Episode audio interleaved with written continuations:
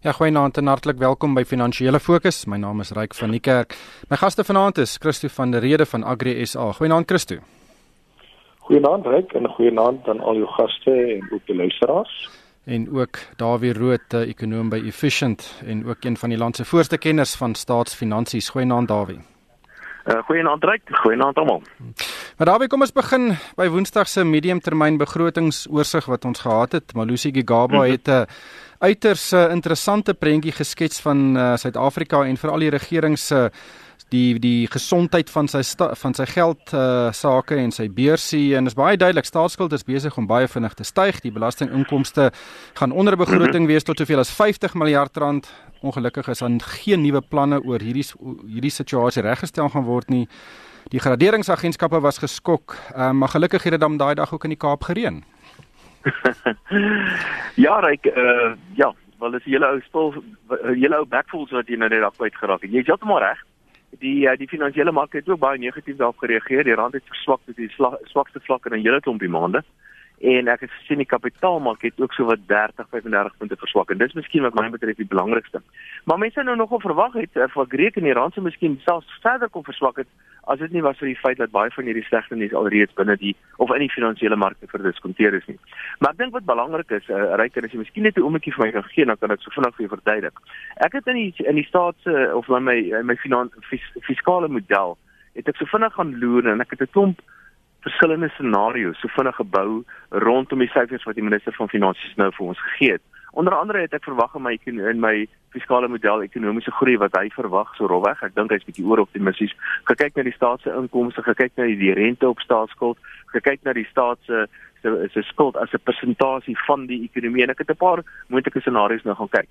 En die kort antwoord is eenvoudig.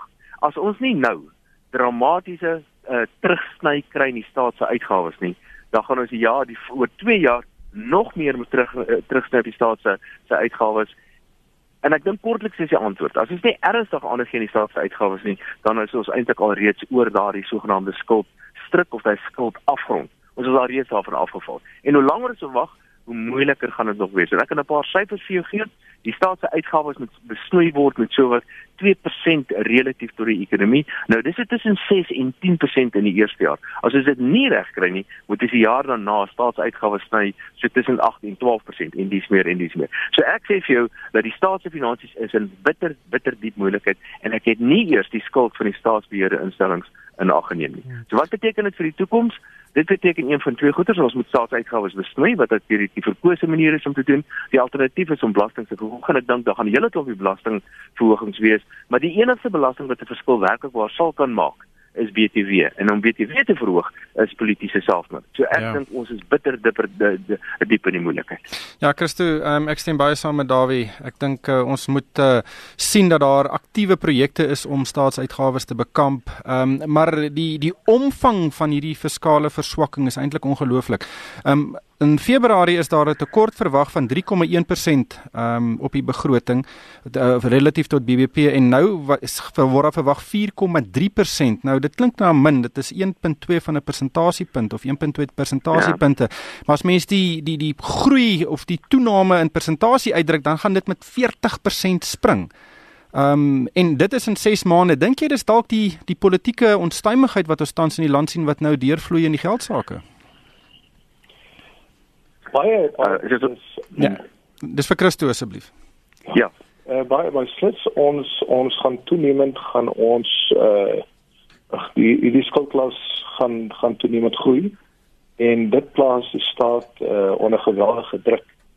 Uh maar as jy die hele toespraak deurlees dan is daar soveel teenstrydighede. Uh dat Gigabe wel moeite gedoen het om 'n eerlike refleksie vir ons te bied. Uh dit waardeer ons Maar terselfdertyd vra ons vir onsself af wat gaan hulle rondom dit doen? En as daar nie staatsbestuur kom op groot skaal nie, as daar nie moeite gedoen word om 'n besigheidsomgewing te skep waar daar beleidssekerheid is nie, uh, dan help hierdie gepraat ons net mooi niks. So uh, ek is ek is ek is geweldig uh, teleurgesteld uh jy weet as ek uh, veral as ek hierdie toespraak deurwerk en ek kom agter dat aan die einde van die dag is dit bloot net ek woorde en daar's heel wat gerusstellende frases maar niks gaan werklik waar gedoen word nie om die situasie te beredder nie. Hmm. Dawie, jy het 'n baie goeie rubriek vandag in 'n rapport geskryf, ehm um, waar jy projekteer na 2027 toe. Ehm um, is daar 'n manier dat jy net vir ons kortliks 'n scenario kan skets van wat jy verwag oor die volgende dekade kan gebeur met veral hierdie volgende 2 jaar wat voor ons lê waar ons nog steeds baie politieke onstuimigheid gaan sien. En ek dink nie ons gaan eintlik 'n groot fokus sien veral van die president se kant af oor om uh, uitgawes te sny nie.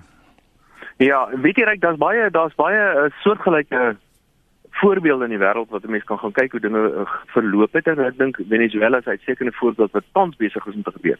As die staat se uitgawes anders teen hierdie tempo, as die staat se skuld anders styg teen hierdie tempo, dan begin die staat allerlei ekstra probleme te kry. Onder andere wil niemand meer die staat se skuld begin koop nie en dan moet die staat iets 'n plan begin maak. En trips ons was al hier in die verlede. Ons het al voorgeskrewe beleggings gehad, beleggings gehad uh, vir uh, vir pensioenfonde. So ek dink dit is 'n volgende potensiële verandering wat ons gaan sien in Suid-Afrika. Pensioenfonde word geforseer om die staat te finansier. Dan begin mense agterkom die ekonomie groei nie. Mense uh, se vertroue word uh, word al al meer en meer geskaad in die land. Mense begin al geld die land uitvat en die volgende stap is valutabeheer regulasies. En daardie stadium begin die rand baie skerp te verswak en die Reserwebank het nie 'n keuse nie as om rentekoerse skerp te verhoog. En dit is natuurlik 'n probleem vir die politici. Nou word daar eh, nou word daar sondaars gesoek, dis nou imperialiste of dis uh, monopolie kapitaal of dit is is mense wat geld probeer hoord of terughou. Almal almal kry natuurlik die skuld behalwe die regering self.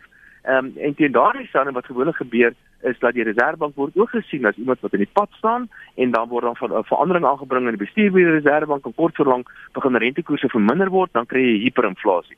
En dan is ek bevrees uh, lei dit tot sosiale onrus en uiteindelik goeie soos noodtoestande en politieke onstabiliteit en sosiale onrus en dis meer. So dit is een scenario. Die ander scenario skerp inkorting van staatsuitgawes en ek is bevrees privatisering gaan nie werklik veel help nie, maar daar's nie veel meer om te privatiseer nie. Ek het ook voorgestel en ek het dit al 'n tydjie terug gesê dat ons moet regtig daarna kyk om 'n ernstige vermindering in die staatsamptenare die aantal wat vir ons werk aan te bring. Hulle moet heraansoek doen vir ons werk en hulle moet die regte bedrag geld betaal word. Hulle word hopeloos oorbetaal. Ons kan dit nie bekostig nie.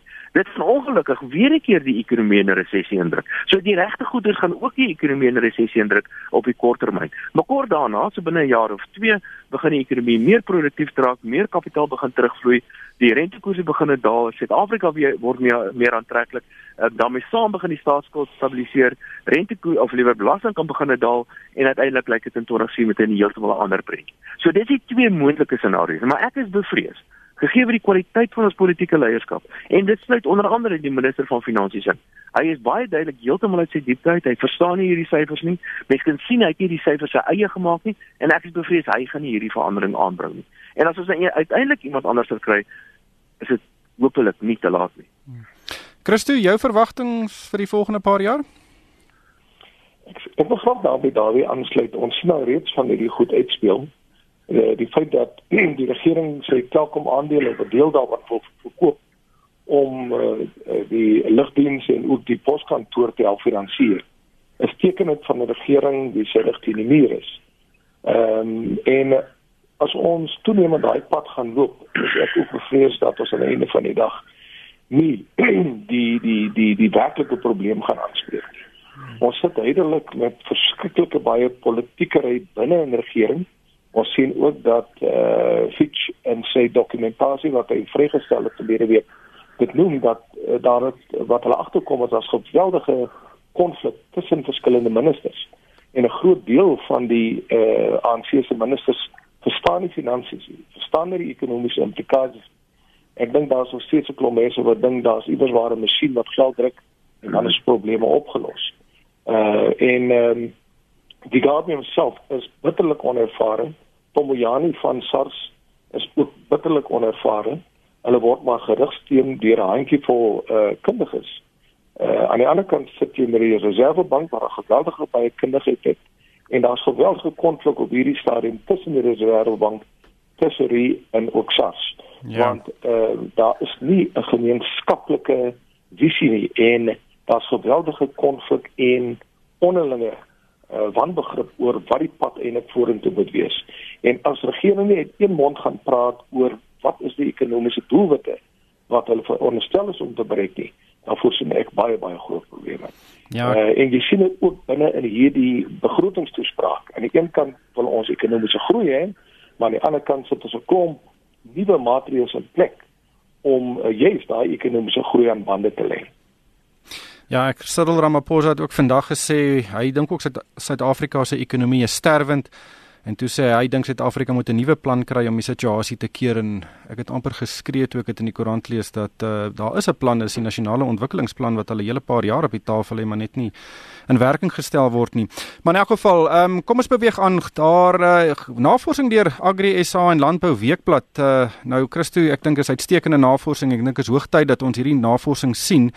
Ehm um, en dit het bevind dat uh, nie wit Suid-Afrikaners of swart Suid-Afrikaners besit 27% van Suid-Afrika se landbougrond en hulle beheer 46% van die Suid-Afrika se landboupotensiaal. Ehm um, en eintlik nog meer belangrik het hierdie navorsing gewys dat swart Suid-Afrikaners het sedert 1994 reeds dubbel soveel grond gekoop as wat die regering deur sy grondhervormingsplan gekoop het. Ehm um, en uh, hierdie navorsing is gedoen deur te kyk na uh, transaksies, meer as 220 eiendomstransaksies. Mhm. Ehm um, Christo, net vinnig, julle het daai navorsing gedoen. Ek moet sê dit is eintlik verbasend dat die regering dit nog nie self gedoen het nie want daar's so baie emosie in uh, in landbou oor oor grondhervorming. Kyk, dit is belangrik vir ons om hierdie tipe van navorsing vry te stel. Want in die lig van die komende verkiesing weet ons dat die grond uh debat uh natuurlik nuwe rigte gaan kry en dat uh, dit as 'n politieke speelbal gebruik gaan word. Wat ons sê is, is dat kom ons kyk na die feite en die feite is op die tafel gesit.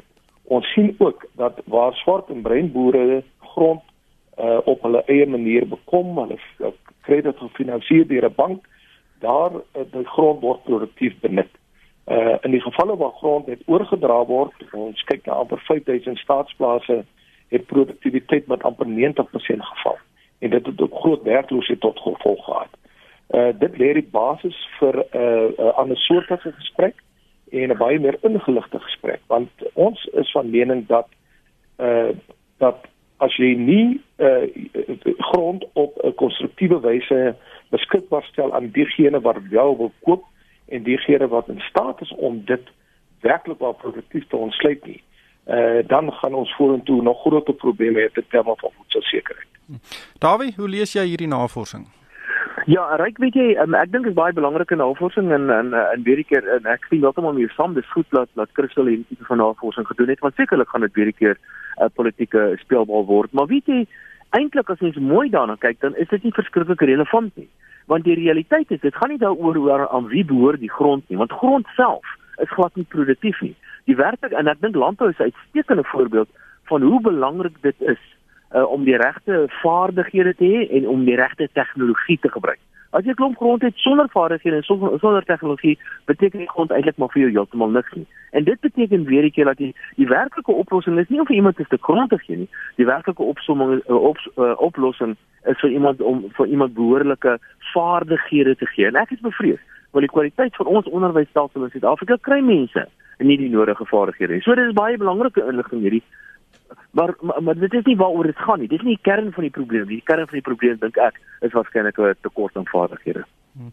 Christo, maar grond bly so 'n geweldige emosionele ding in Suid-Afrika en wat vir my nogal hmm. um, 'n bietjie kwaad maak is, weet daar's geld om of of daar's 'n politieke wil om byvoorbeeld Telkom aandele te verkoop om in 'n donker SAL gat af te gooi maar ons sal nie of die regering sal nie Telkom aandele verkoop om grondhervorming te versnel nie. Ehm um, dink jy weet is dit 'n is hierdie speelbal miskien word dit te veel gedryf in 'n politieke konteks?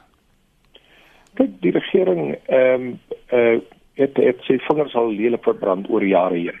En jy sien dit ook in hoeveel dit geld wat beskikbaar gestel word vir grondhervorming. Ek dink nie dat 'n groot deel van die kabinet is oortuig daarvan dat ons moet aangaan op hierdie pad waar ons uh, uh jy weet waar ons net grond oordra aan gemeenskappe en dit gaan nie gepaard met uh, behoorlike ontwikkelings van vaardighede en so aan nie. Hmm. Ek het net nou die dag 'n oproep gekry van uh hulle noem dit nou jy weet gemeenskapsorganisasies wat op beheer staan van kommunale grond byvoorbeeld of grond wat oorgedra word aan 'n gemeenskapstus. En dis die verskillende stories wat ek moet aanhoor. Ek van die plase wat oorgedra is al die infrastruktuur is weggedra, dis vernietig en daar's geen produksie op daardie grond nie. Uh so ja, ons gaan baie politieke geraas vorentoe hoor oor grond wat gesteel is, 'n grond wat uh jy weet moet moet uh, onteien word sonder vergoeding. Maar ek dink nie ek uh, dat regering werklik waar oortuig is dat net om grond oor te dra uh is in die beste belang van die land nie. Hmm. Ons gaan toenemend gaan ons landbank sien wat 'n groter rol gaan speel om juis swart boere wat die kundigheid het om hulle te help om grond te bekom maar hulle plaas 'n verskriklike groot premie nou op vennootskappe en ek dink dit is die regte rigting om in te gaan. Ja. Ehm um, Dawie, ons het nou lekker die vinger gewys vir die regering. Ehm um, kom ons wys 'n bietjie die die vinger vir die private sektor en dit is die Duitse groep SAP, natuurlik 'n baie groot programmatuurgroep. Hulle het hierdie week ja. Eh, erken in Amerika dat daar is uh, omtrent 100 miljoen rand aan Gupta maatskappye betaal om Eskom en Transnet kontrakte te kry. Nou hulle is bietjie in die moeilikheid want in Amerika kan jy regtig groot boetes opgelê word as jy jou skuldig maak aan korrupsie. Uh, wat maak jy hiervan? Ja, SAP is eintlik een van daai groot sagte ware maatskappye in die wêreld, baie groot in die hele wêreld. Dit is baie belangrike maatskappy wat uh, wat nog baie groot speler in die sagte ware uh, spasie. Ek dink nie dit is die einde hier van die ryk. Ek dink dan gaan ons kan optrede verwag uh, teen hulle in Duitsland en waarskynlik in Amerika ook. En ek het so vermoed dat uh, gaan miskien nie die hele tyd met dieselfde paadjie loop as KPMG nie, maar dis nog nie die einde van hierdie prent nie. Ek dink ons gaan nog baie daarvan hoor en is 'n baie goeie moontlikheid dat ons gaan uh, sien dat daar boetes teen uh, SA is is SAP of SAP ingestel gaan word.